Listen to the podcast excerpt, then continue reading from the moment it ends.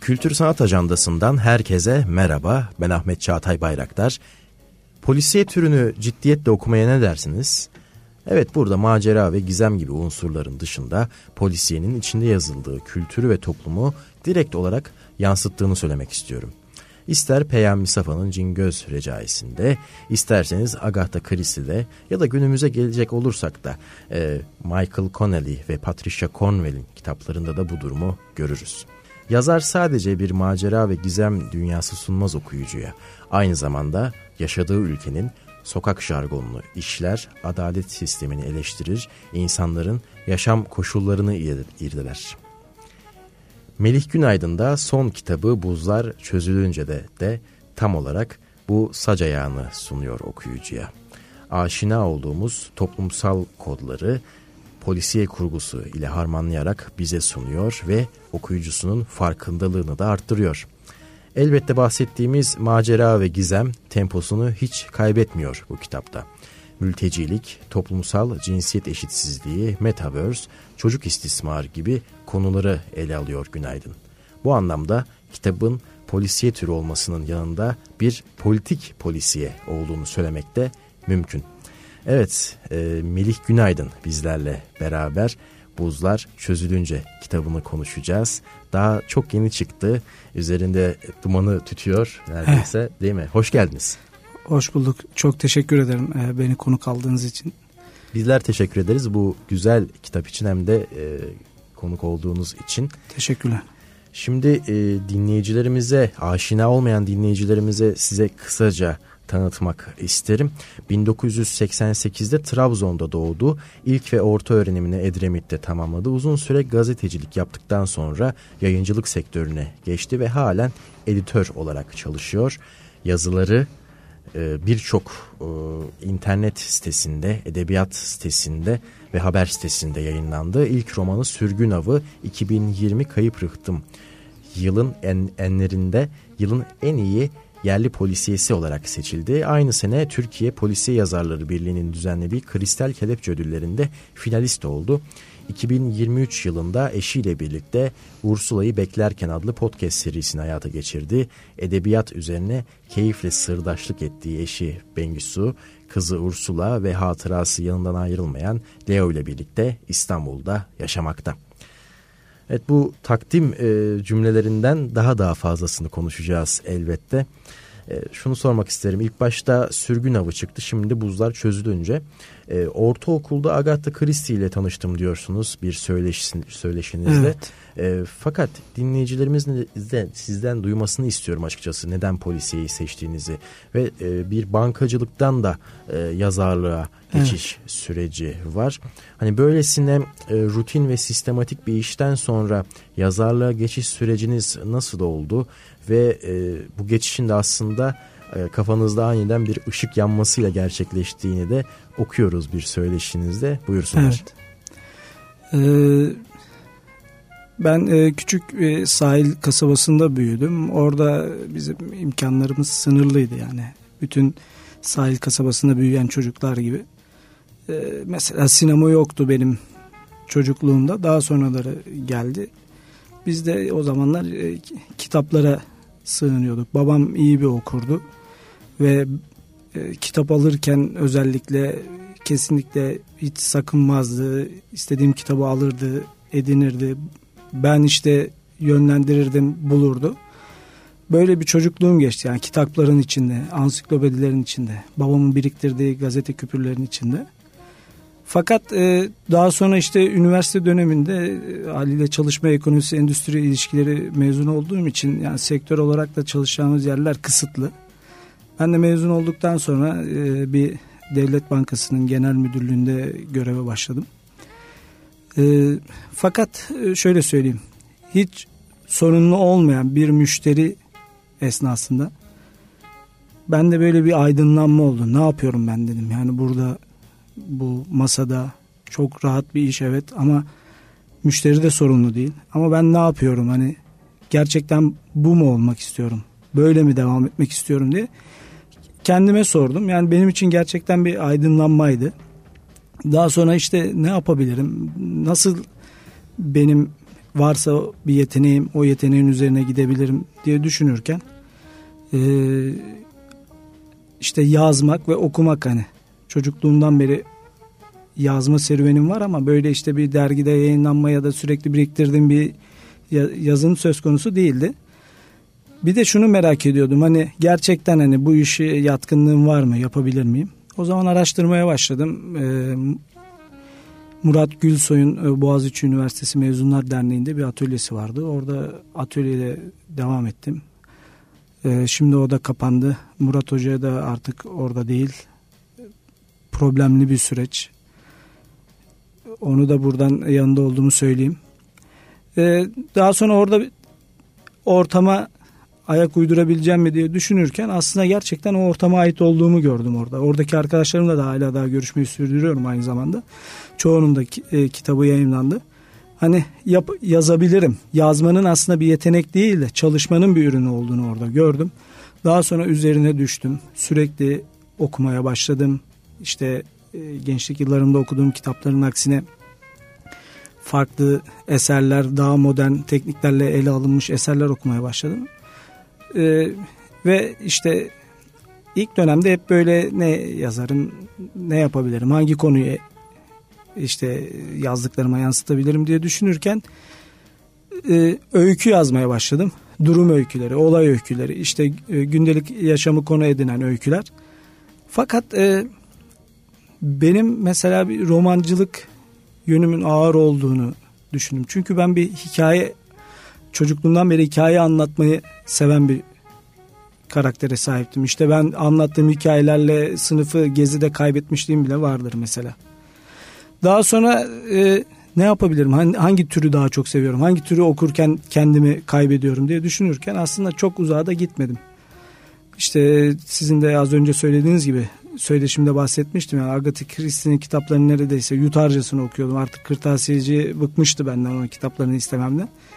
Hani polisiye bir e, ilgim oldu. Kesinlikle daha sonra işte Michael Connelly ile tanıştım. İşte e, Arthur Conan Doyle'la daha sonra işte Mankel vesaire. E, polisiye bir hakimdim aslında ama yazmaya o kadar odaklanmıştım ki onu aslında böyle saklı bir e, yerde bir sandığa kapatmıştım aslında. Sadece o sandığı açtım. Daha sonra da işte e, yazma süreci başladı benim için. Babamın e, kanser olduğunu haberi aldığım gün yazmaya başladım. E, ve o yani hem yanımda onun tükenişini izliyordum bir yandan da işte bitirmeye çalışıyordum. Çünkü hep yazmak aklımın bir köşesinde ama başlamadıktan sonra da bir şey olmuyor ve ben en zor zamanda başladım. Ne tesadüftür ki işte bu senede buzlar çözülünce tamamlamaya çalışırken biliyorsunuz işte bütün Türkiye etkileyen bir deprem oldu. Orada işte binalar yıkıldı. Bizim işte duygularımız da hasar gördü. Ee, ama beni işte son bir ay işte kitabımı tamamlamaya yakınken e, son bir ayda beni en çok e, yıkan belki de yani duygularımız sarsıldı depremde ama duygularımı tamamen yıkan yani benim e, ilk romanda da biyografimde de bahsettiğim yani Leo Fransız Bulldog dostum e, onu kaybettim ve o da benim tamamen duygularımı yıktı. Yine ilk romanda olduğu gibi duygularım yıkılırken aslında buzlar çözülünce kaleme aldım. Hani e, dinleyicilerimiz de yazar dostlarımızı konuk ettiğimiz zaman e, hep şunu vurgulamak istiyorum aslında. Hani yazarlık dediğimiz zaman bir ilham gelmesi, masanın başına oturulup huzur içerisinde e, yazı yazılması gibi bir şey söz konusu değil. E, sizin evet. hikayenizden de bunu kesinlikle anlayabiliyoruz. Çünkü e, yazar, daha doğrusu sanatçı içinde bulunduğu toplumun ve dünyanın gerçeklerinden hiçbir şekilde e, kopmuyor o masa başına geçtiği zaman aksine evet. e, hem kendi kişisel hayatındaki hem de dünyada yaşananlar e, birdenbire başına üşüşüyor. Bu da hem üretim sancısının e, hem de e, o başına gelenlerin e, hayal gücünden kovma çabası aslında ikili bir çatışmaya neden oluyor yazara karşı ve yazar evet. tüm bunlara karşı aslında yazın mücadelesi veriyor. Bunun yanında da sizin de vurguladığınız gibi aslında bir ilham gelmesi de söz konusu değil. bir eğitim almak evet. e, ve bunun üzerine yazmadan önce aslında çokça okuma yapmak. Evet, evet kesinlikle. Değil mi? Şöyle e, söyleyeyim şimdi mesela sadece bunun yeteneğe indirgersek e, bu yazma çabasının büyük bir kısmını aslında Tanrı'ya atfetmiş oluyoruz. Tanrı bunun kimine göre bir yerindedir mutlaka ama bana göre üretimin içinde tamamen çalışmak, çalışmak, yazmak, okumak işte e, ve bunu sürekli hale getirmek. Daha sonra e, her etrafındakilerden yararlanmak. Yani çünkü normal hayattan kopmak mümkün değil.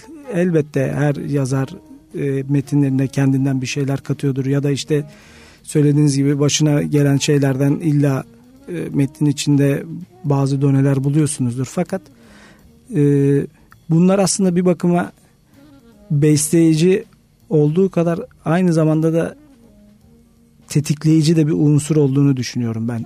İki taraflı bir şey aslında bu.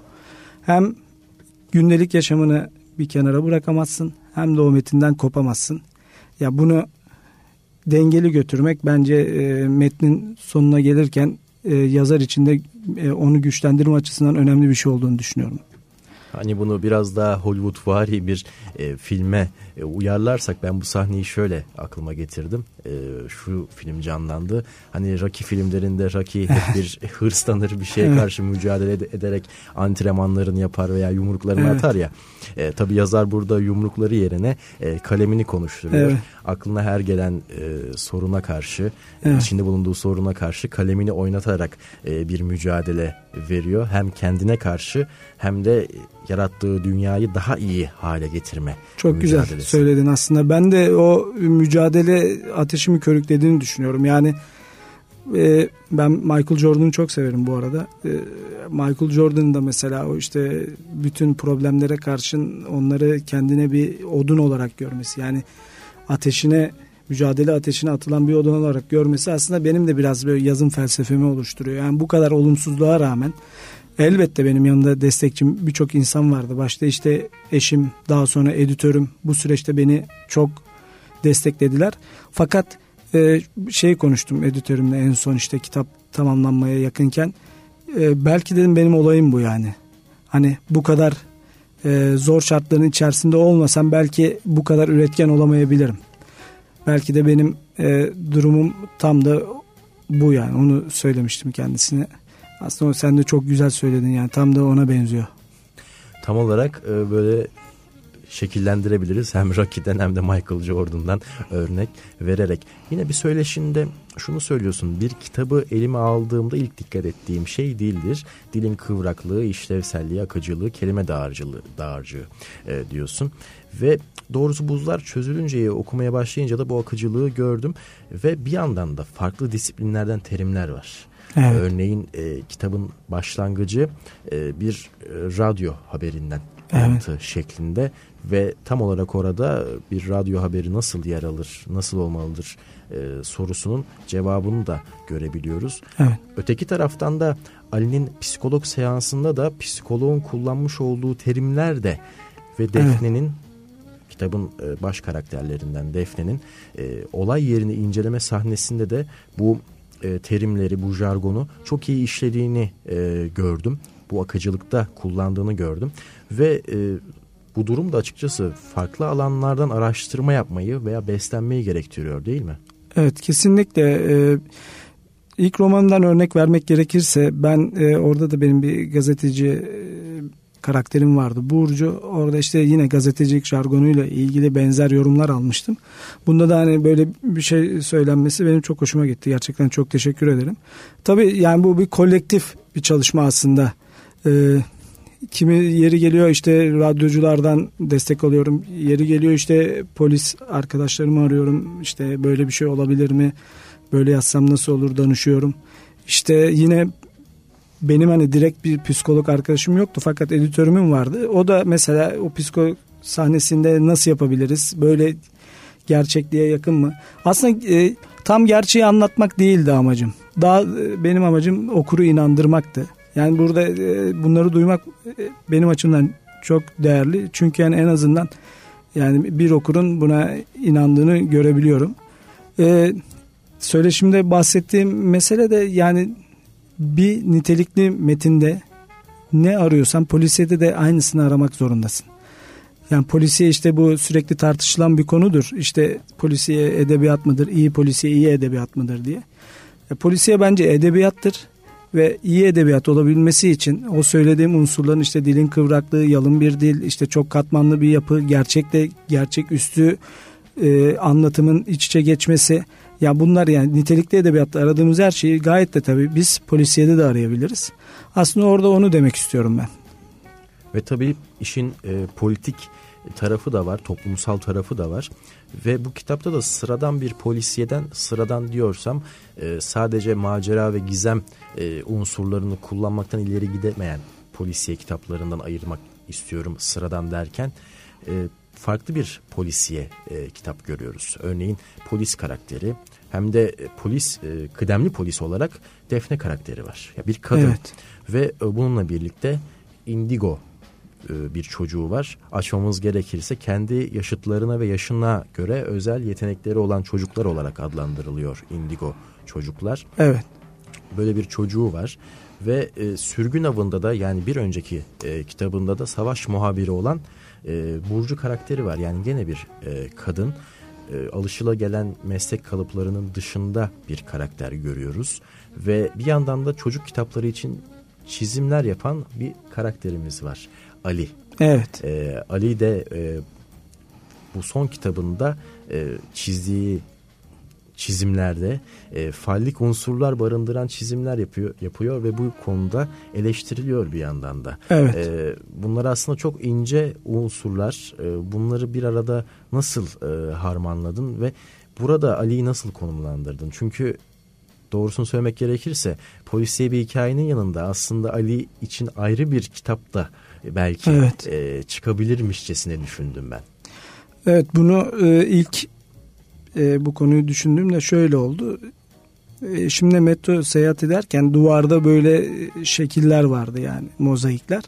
O şekillerle ilgili bana dedi işte ya Melih dedi acaba dedi bu fallik dönemle ilgili insanlar bu şekillere bir şeyler aktarmış mıdır sence dedi. Ben de o zaman yani sürekli düşünüyoruz biz eşimle işte sürekli üretmeye çalışıyoruz. O zaman şey ben bununla ilgili bir öykü yazsam nasıl olur dedi. O zaman ben dedim ki gerçekten çok iyi bir fikir yani bu. Evet. Hani aslında bir bakıma e, çalmak demeyelim de geliştirmeye geliştirebileceğim bir fikir olduğunu düşündüm. Daha sonra onun üzerine düşünmeye başladıktan sonra bir e, Ali karakterini oluşturmaya o zaman kafaya koymuştum. Yani ilk oluşturduğum karakter Ali'ydi açıkçası. Onunla ilgili de işte editörüm e, romanı ile ilgili konuştuğumuzda yani buna ayrı bir şey mi yazsak diye o da bana söylemişti yani ayrı bir hikaye ya da bir izlek oluşturup sadece Ali üzerinden ilerleyebilir miyiz diye. Fakat ben biraz da sınırlarımı zorlamayı seviyorum yani. ilk kitapta da olduğu gibi bir polis karakter de yerleştirmek istiyordum ve kadın bir karakter olsun istiyordum. Çünkü hani kadının sesiyle yani bunun yorumunu duymak istiyordum okurdan. Ee, başarıp başaramayacağımı onu işte okurların aldığım geri dönüşlerle farkına varacağım. Ee, daha sonra işte e, Ali yani bir grafiker olsun dedim. Sıradan bir insanı bu işin içine katayım dedim. Çünkü yani bir grafiker işte kendi e, çizimleri var. Duvarda gördüğü çizimlerle ilgili hem kendi geçmişine yolculuk ediyor hem de işte o çizimlerin arkasında yatan gerçekliğe yolculuk ediyor. Fakat e, şöyle bir zorluğu da var. Şimdi polis değil işte ne bileyim dedektif değil ve hani bir davanın içine girmesi gerçekten büyük problem. Yani bunu e, yazarken de ben çok zorlandım. Orada hem bir bakıma Defne benim can simidim oldu yani polis olması.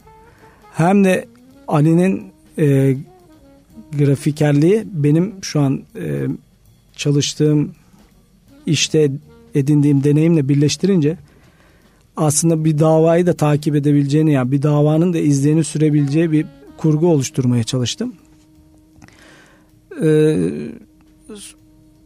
sonuçta da bununla ilgili e, elbette yani direkt böyle macera işte belli bir izleyin peşinde koşup işte katil kim bulalım. Yani öyle bir polisi asla zaten hiç düşünmedim. Bu arada yani katil kim polisiyeleriyle ilgili de seviyorum yani. Hala da okumayı seviyorum ve öleceğini düşündüğüm bir tür asla değil. Onu da söyleyeyim. Ama ben işte bir şekilde toplumun kanayan yaralarını yansıtmaya çalışıyorum ve şu günümüz dünyasında e, göçmenlik, işte mültecilik bu kavramlar gerçekten kanayan dünyanın kanayan yarası ve sürekli gündemde olmasını düşündüğüm şeyler. İlk romanımda da benzer bir konuyu ele almıştım. Yine benzer bir konuyu aldım. Sonraki romanımda da yine benzer bir konuyu ele alacağım. Yani bu toplumun gerçeklerini direkt vermektense hissettirerek vermeye çalıştım. Umarım başarabilmişimdir. Doğrusu hani yazar e, biraz da cinsiyetsizdir derim e, ben. Çünkü yarattığı karakterlere hani sırf erkek olduğu için bir kadın karakter yazamaz, iyi yazamaz e, kalıbının doğru olmadığını düşünürüm. Fakat burada Defne karakterini ve daha önceki romanında bahsettiğin Burcu karakterinin o hani kadın iç sesine ele alırken e, nasıl faydalandın, nasıl e, onu oluşturdun onu merak ediyorum. Şimdi şöyle bir örnek vereyim. Ben e, ilk Burcu karakterini yazdım. E, duştan çıkıyor. Beline sarmıştım havluyu. Yani imkansız alışkanlık, yani, alışkanlık şimdi erkek alışkanlığı. Fakat işte benim e, kadın yazar arkadaşlarım e, onlar bana çok destek oldular. İlk romanda işte ne hangi nasıl e, kelimeler kullanabilirim. İşte o kadın naifliğiyle ilgili ve kadının gücüyle ilgili neler yapabilirim. Onlar telkinlerde bulunmuştu. Yine e, şanslıydım ki hem eşim ikinci romanımda ve editörüm editörüm de Fatma Aktaş o da e, hem iyi bir editör olmasının yanında hem de böyle aktivist bir kadın aynı zamanda. Eşim de keza öyle ve onların desteklerini alarak yani bir e, hem onlara danışarak hem kendi ilk kitabımda edindiğim deneyimler deneyimleri e, harmanlaştırarak e, bir karakter oluşturmaya çalıştım. Az önce Indigo çocukla ilgili bir sorun vardı. Onu atladım aslında. O ya bu kitapta şöyle de bir amaç edindim aslında ben bir spekülatif de bir tarafı var. İşte bu Pizzagate olayına göndermeler var. İşte o Indigo çocukların kimisi işte kabul eder kimisi etmiyor. Yani orada da ailenin o spekülatif tarafa yöneldiğini anlatmaya çalıştım. Ee, yani kitabın bütününde bir e, spekülatif tarafta var diyebilirim.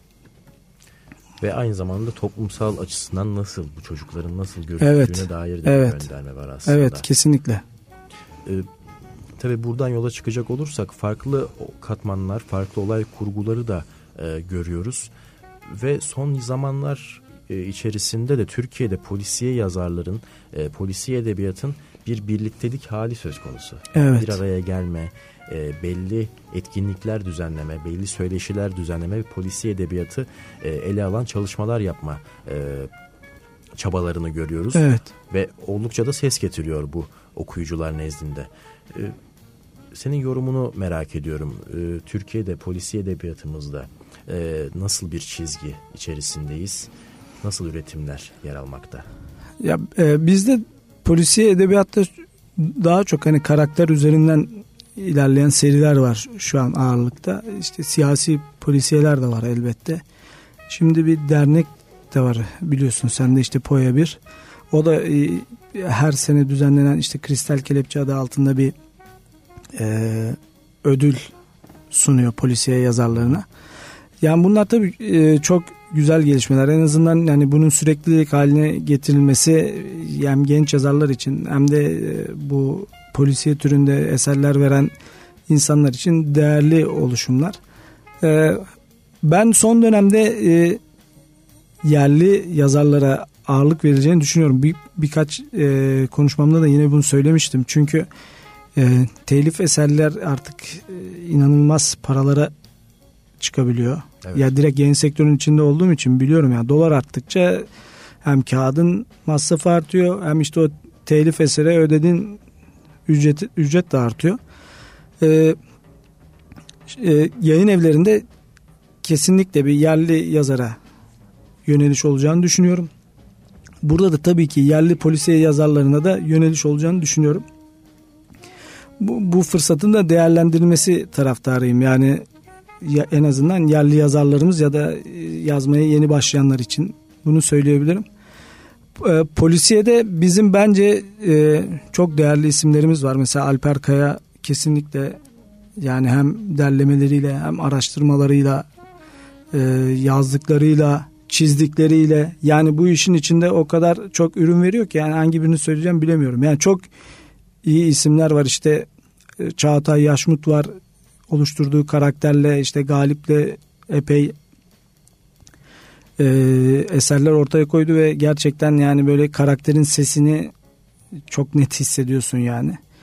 Elbette ben yani polisiyenin genel anlamda hızlandığını belki pandemi olmasaydı daha hızlı olacağını düşünüyorum. Yani hem e, kitap eser verme açısından hem de geliştirme açısından. Çünkü benim bildiğim iptal olan işte polisiye ile ilgili etkinlikler var pandemiden dolayı. Hı hı. Onlar da yavaş yavaş gördüğüm kadarıyla e, yeniden canlanmaya başladı. Bence e, daha da iyi olacaktır. Mevcut durumu zaten bence e, gelişme hem açık hem de iyi bir durumda. Gelecekte de bunu geliştirerek devam edeceğini düşünüyorum. Umarız ki gelişir. Edebiyatın her alanında olduğu gibi polisiye edebiyattaki gelişmelere, çalışmalara, e, söyleşilere ihtiyacımız var ve tabii elbette ki yeni kitaplara ve e, bir kuzey polisiyesinden bahsedilir sürekli. Evet. Bir e, kült olarak yer alır. E, bu kuzey ülkelerindeki polisiye merakını sana sormak isterim. Senin görüşlerini almak isterim. E, neden özellikle bir polisiye e, deyince aklımıza bir kuzey polisiyesi gelmekte? Evet. Yani şimdi e, yeni Johannesburg gibi işte yazarlar bunun popülerliğini arttırdı elbette yani onun da bir etkisi var. Yani biraz e, düşününce tam kuzeyli işte o Mankel gibi Valender karakterler işte oluşturduğu karakterler gibi bir şey olmasa da yani onun da popülerliğini arttırdığını düşünüyorum ve kuzey polisiyelerinin biraz da bu yüzden gündemde olduğunu düşünüyorum ben açıkçası. Ama e, ben biraz hani bu kuzeyin o bilinmezliği de var yani sadece işte o karla kaplı bitki örtüsünün oradaki insanların olaya bakışının işte ve işte oradaki bazı dizilerin hatta işte e, uyarlamaları biz genelde izledi bizim izleyicimiz ama oradaki işte atmosferi yaşatan dizilerin de ben etkisi olduğunu düşünüyorum. Ve işte dediğim gibi bu popüler e, kitaplardan bahsetmek gerekirse işte Nezbo'yu söyledim e, ve bu işte e,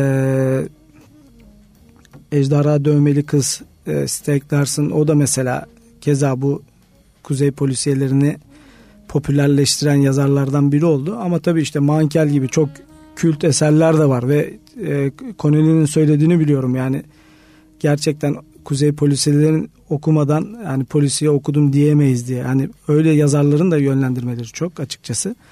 Ve ben hani biraz da o e, coğrafya ile ilgili olduğunu düşünüyorum. Yani çünkü coğrafya kendinde zaten bir aslında gizem unsuru barındırıyor ve sertlik barındırıyor. Bu da polisiyenin bence e, tam aradığı şeyler. Onun da etkisi olduğunu düşünüyorum yani. Evet Kuzey e, polisiyesi deyince de aklımıza bazı isimler geliyor. O isimler öncülük ediyor ve sonrasında diğer kitaplarda Türkçe ile buluşarak e, Türkiye'de daha çok evet. tanınmasını, ilgi çekmesini sağlıyor bu edebi türün e, ve belli bir coğrafi bölgeyi de ele alması bakımından da oldukça ilgi çekici e, ve o ülkelere de bir merak etmemizi de evet kesinlikle. da. Şimdi genelde e, birinci kitap polisiye bu şu anki kitap da polisiye Ogito gibi bazı edebiyat platformlarında, edebiyat sitelerinde de e, öykülerin yer aldığını biliyoruz. Evet. E, bunlar polisiye de e, değil, polisiye dışı yazın evet. e, örneklerin de var. Yeni yazı çalışmaları var mı? Öykü veya roman? Ee, şu an bir roman üzerinde aslında daha çok düşünüyorum etraflıca. Ee, ama kendimi hani tür açısından soruyorsan eğer kendimi kesinlikle işte öykücüdür, romancıdır diye sınırlamıyorum. Hem öykü yazmak istiyorum hem de roman yazmak istiyorum. İşte fakat şu an anlatacak çok hikayem olduğunu düşünüyorum ve nefes açısından romanın daha uygun bir türü olduğunu düşünüyorum. Ee, durum öyküleri de yazdım. Derlemelerde yayınlanan öykülerim de var. Evet doğru.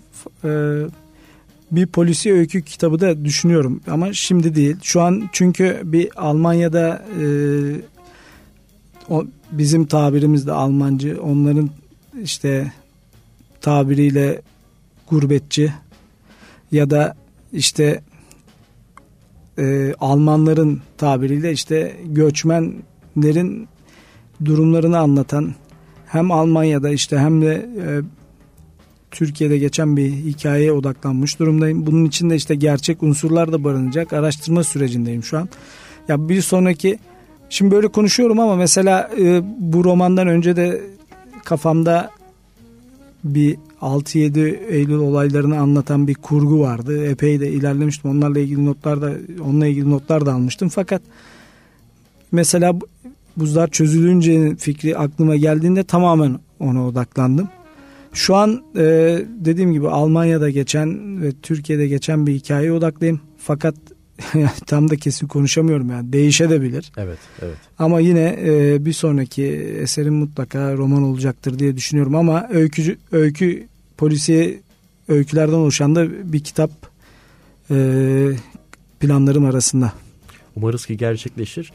Programımızın başında da bahsettiğimiz gibi bir ilham değil sistematik bir çalışma söz konusu. Ee, senin çalışma takvimin nasıl? Ee, günde ne kadar süre e, yazı yazmaya ayırabiliyorsun bir kitabı yazmaya başladığın zaman? Çünkü aynı zamanda e, Nemesis kitabın yayın koordinatörü evet. olarak görev yapıyorsun. Sadece burada da sadece polisiye değil e, Nemesis kitabın farklı türdeki kitaplarını da evet. e, inceleyip yayınlanmasına karar veriyorsun veya yayınlanma sürecine eşlik ediyorsun. E, evet. Nasıl bir çalışma takvimin var?